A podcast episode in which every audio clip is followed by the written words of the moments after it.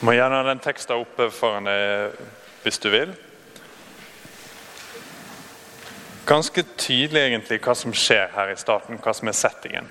Jesus tar med seg de av eh, disiplene som han er aller nærmest. Peter, Johannes og Jakob. Og så går de en fjelltur for å være alene. Så de trekker seg tilbake på et fjell og er alene, sånn at Jesus kan be. Så Det står der helt tydelig i vers 28 og 29. Og medan han ba, ble anletet hans som omskapt, og klærne ble skinnende hvite. Så det skjer noe helt spesielt på denne fjellturen. Eh, de er der alene med Jesus. Og så blir litt av herligheten hans vist til dem. Så la oss fra Gamle testamentet i stad med at Moses kommer ned fra fjellet etter at han har snakka med Gud og mottatt de ti bud. Og da Uten at han er klar over det sjøl, så har han hatt en sånn nærhet til Gud at ansiktet hans skinner nok til at hans egen bror ikke tør å gå bort og snakke med ham. Så her så viser det seg Med Jesus så er ikke det indirekte at Gud har vært der og strålt på ham. Han stråler sjøl med den samme herligheten som Gud har. Og så dukker Moses og Elia opp. Det er ganske spesielt, dette her. Vers 30. Med ett sto to menn og snakka med han. Det var Moses og Elia. Jeg har ikke slått opp hvor mange år det er siden de eh, var på jorda sist. Det kan noen av dere vite, men det er snakk om godt over 1000 år. Og Plutselig så er det her igjen. Så Her er to av de virkelig store heltene fra Det gamle testamentet. Begge har litt spesiell eh, avslutning på livet. Elia blir henta av, eh, av ei vogn. Moses er litt uklart, syns iallfall jeg. Han blir gravlagt av Gud. på en måte. Dere kan lese om det hvis dere vil. Men her er de iallfall tilbake. De synte seg i herligdom. Og hva tror dere de snakker med Jesus om? For meg er dette kanskje noe av det mest spennende med hele teksten. Du har to av de store heltene fra Det gamle testamentet.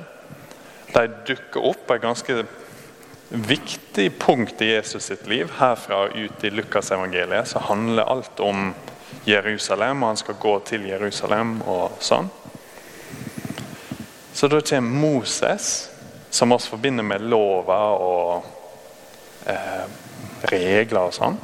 Og Elia, som var en profet som på en måte jobber for å holde folk tett opp til disse lovene. De kommer for å snakke med Jesus om utgangen livet skulle få. Om det han skulle fullføre i Jerusalem. Moses og Elia dukker opp for å snakke gjennom evangeliet med Jesus. Og På dette tidspunktet her så vet ikke disiplene helt klart engang hva det er Jesus skal. Han holder på å si det til dem. og ja, Neste uke skal vi frem til kapittel 18, tror jeg. Og Jesus staver det rett ut. Nå skal jeg til Jerusalem, og jeg skal dø, og jeg skal stå opp igjen. Og de står som noen spørsmålstegn. Her er det mange kapittel før, så de har ikke peiling hva som skal skje. Men Moses vet det, og Elia vet det. Og når de kommer og får en mulighet til å snakke med Guds sønn, så er det det de snakker om. Og egentlig så tror jeg det gir mer mening enn hva vi kanskje tenker. For Moses' i egen frelse er ikke uavhengig av Jesus. Det er ikke sånn at Moses og Elia er frelst på én måte gjennom at de var de få personene som klarte å holde lova perfekt. Bygd inn i lova og alle de ritualene som de levde i, og sånn, er masse venting. Ting blir satt på vent hele tida. Så på det kritiske punktet så dukker det kanskje opp et dyr som dør, eller det er en festival eller sånne ting. Og hele tida så står ting på vent. Fram til dette. Fram til det Jesus skal fullføre i Jerusalem. Moses og Elias sjøl er avhengig av at han skal fullføre det som de gjør. Og så våkner Peter igjen og sier noe dumt med en gang. I, i kjent stil. Så hvis du ser på vers 32 Peter og de andre hadde fallet i djup søvn. Så de, de, har sikkert ikke fått med seg hva de snakker om. Så det betyr at de versene før her er sannsynligvis noe Jesus har forklart dem etterpå. Hva snakker du med dem om, liksom? Snakker dere om planetenes bane, eller om sjømonster? Eller hva, hva, snakker Moses og Elia med Jesus om? Ja, og, snakker om eh, utgangen livet mitt skal få, og det jeg skal fullføre i Jerusalem. Å, ikke noe større. Ikke noe mer interessant, liksom. Så Peter våkner, og de ser herligdommen til Jesus og de to mennene som sto der med han.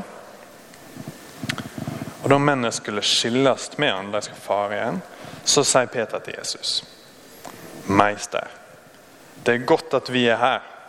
La oss bygge tre hytter. Ei til deg, ei til Moses og ei til Elia. Han visste ikke sjøl hva han sa. Og det ja, Når jeg leser bibelkommentarer til de med masse peiling, så er ikke de helt enige om hva er det egentlig Peter tenker på her. Det kan være ulike ting. Men en ting som er ganske tydelig, er at han setter Jesus på linje med Moses og Elia. At, klart Peter er nå kjempeimponert. Her er to av superprofetene. Her har du Moses, selveste Moses, og Elia. Så, så flott. Jeg skal bygge hytte til deg, Jesus, og ei hytte til deg, Moses, og ei hytte til Elia. Så, kanskje sånn at jeg kan være der. og Kanskje han tenker at nå har jeg på en måte nådd høydepunktet. Så kommer far sjøl og korrigerer Peter. Vers 34. Og medan han taler, kom det ei sky og la skugge over dem. Da, eh, da de kom inn i skya, ble de gripne av redsle. Fra skya kom de røyst. Dette er sønnen min, den utvalgte. Hør ham. I Lukas er det litt mindre tydelig enn i Matteus og i Markus. Samme fortellinga er der. At når denne skya kommer, så er det ikke bare at de blir litt redde og er litt sånn usikre på hva er det som skjer nå. De kollapser. De er livredde. Så Gud sjøl kommer i far. Far kommer og sier 'dette er sønnen min' den utvalgte. Hør han. Så her er ikke til og med, Det er ikke kun snakk om en superprofet av den øverste klasse her. Her er noe annet. Her er det han som står og skinner sjøl på fjellet. Han som nå viser dere et lite glimt av hvordan det var før verden ble skapt, før han kom som menneske, når han var i nærhet med far før inkarnasjonen. Så skinner de, ikke sant? Ikke på en fysisk måte, men herligheten er så stor at vi klarer ikke å ta den inn over oss engang. Og når vi får en litt stor forsmak på det, så begynner det å bli farlig for oss. Det som egentlig skjer med Peter, Johannes og Jakob her, er at sikringa går. Sikringa går i sjela, på en måte. At her kommer far, og Jesus er der og skinner i herlighet, og så er de ute. Eh, og Det er ganske tydelig i en del bibeltekster at når mennesket står i direkte møte med Gud, så er det livsfarlig for oss. Eh, egentlig så innebærer det død. Ikke fordi at det er en vond ting, men fordi det er en så herlig ting. Det stråler så sterkt, det er så stort, at sikringa går. Vi kjenner det egentlig fra hverdagserfaringene våre også. At når du er liten og har lært om sola på skolen, eller noe sånt, og tenker at nå skal jeg gå og se på sola. Og se om jeg ser disse tingene som jeg har lært om. Så er ikke det mange sekunder du kan se på sola en gang før du har permanent skade på øynene dine.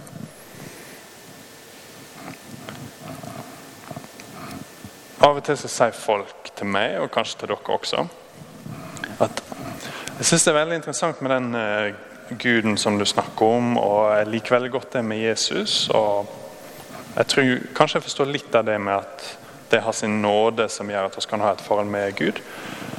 Eh, men det jeg trenger nå, er å se Gud. Hvis du kan vise han til meg, da har du meg. Da skal jeg tro. Så hvis du bare kan sette opp ei tid i kalenderen, så skal jeg se. Denne teksten og en del andre viser hvorfor det er en dårlig idé. Det ville være slutten, rett og slett, hvis det var sånn at Gud hadde som vane å dukke opp i all sin herlighet og vise seg. Så hadde sikringa gått for oss, og livet vårt hadde vært over. De dør heldigvis ikke i denne teksten. Og det som ofte følger i bibeltekster Det er mange eksempler på at folk eh, møter litt av Jesus sin herligdom. F.eks. når de kommer for å ta ham.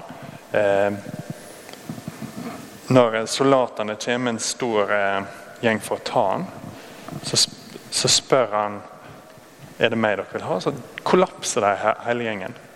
Eller du har mange i Det gamle testamentet som kollapser. Eller det skjer med Johannes, eh, eh, apostelen i Johannes' åpenbaring. Når han møter Jesus der, så bare synker han sammen. Det neste som veldig ofte skjer, er at Gud kommer bort og løfter deg opp igjen. Så da er kanskje bedre spørsmålet ok, det går ikke an å se Gud på den måten, men kanskje dere viser Gud til meg på en måte som vi tåler? da? Er ikke det en eller annen måte vi kan møte Gud på uten at sikringa går, og uten at det blir for masse? Det er akkurat poenget. Det er det som skjer i teksten her. Det er det Jesus kommer for å gjøre. Jesus tåler oss. Peter, Johannes og Jakob har nok gått på en fjelltur med Jesus. Det har ikke noe problem. Og de ser hans herlighet på en måte de tåler. De ser det i måten han møter folk på, i måten han snakker på, i mirakler han gjør, i måten han ber på, i det han underviser. Eh, og etter hvert, når han gir livet sitt på korset, så ser de. De ser litt av den herligheten som de her får et glimt av i at han plutselig begynner å stråle og gløde nesten.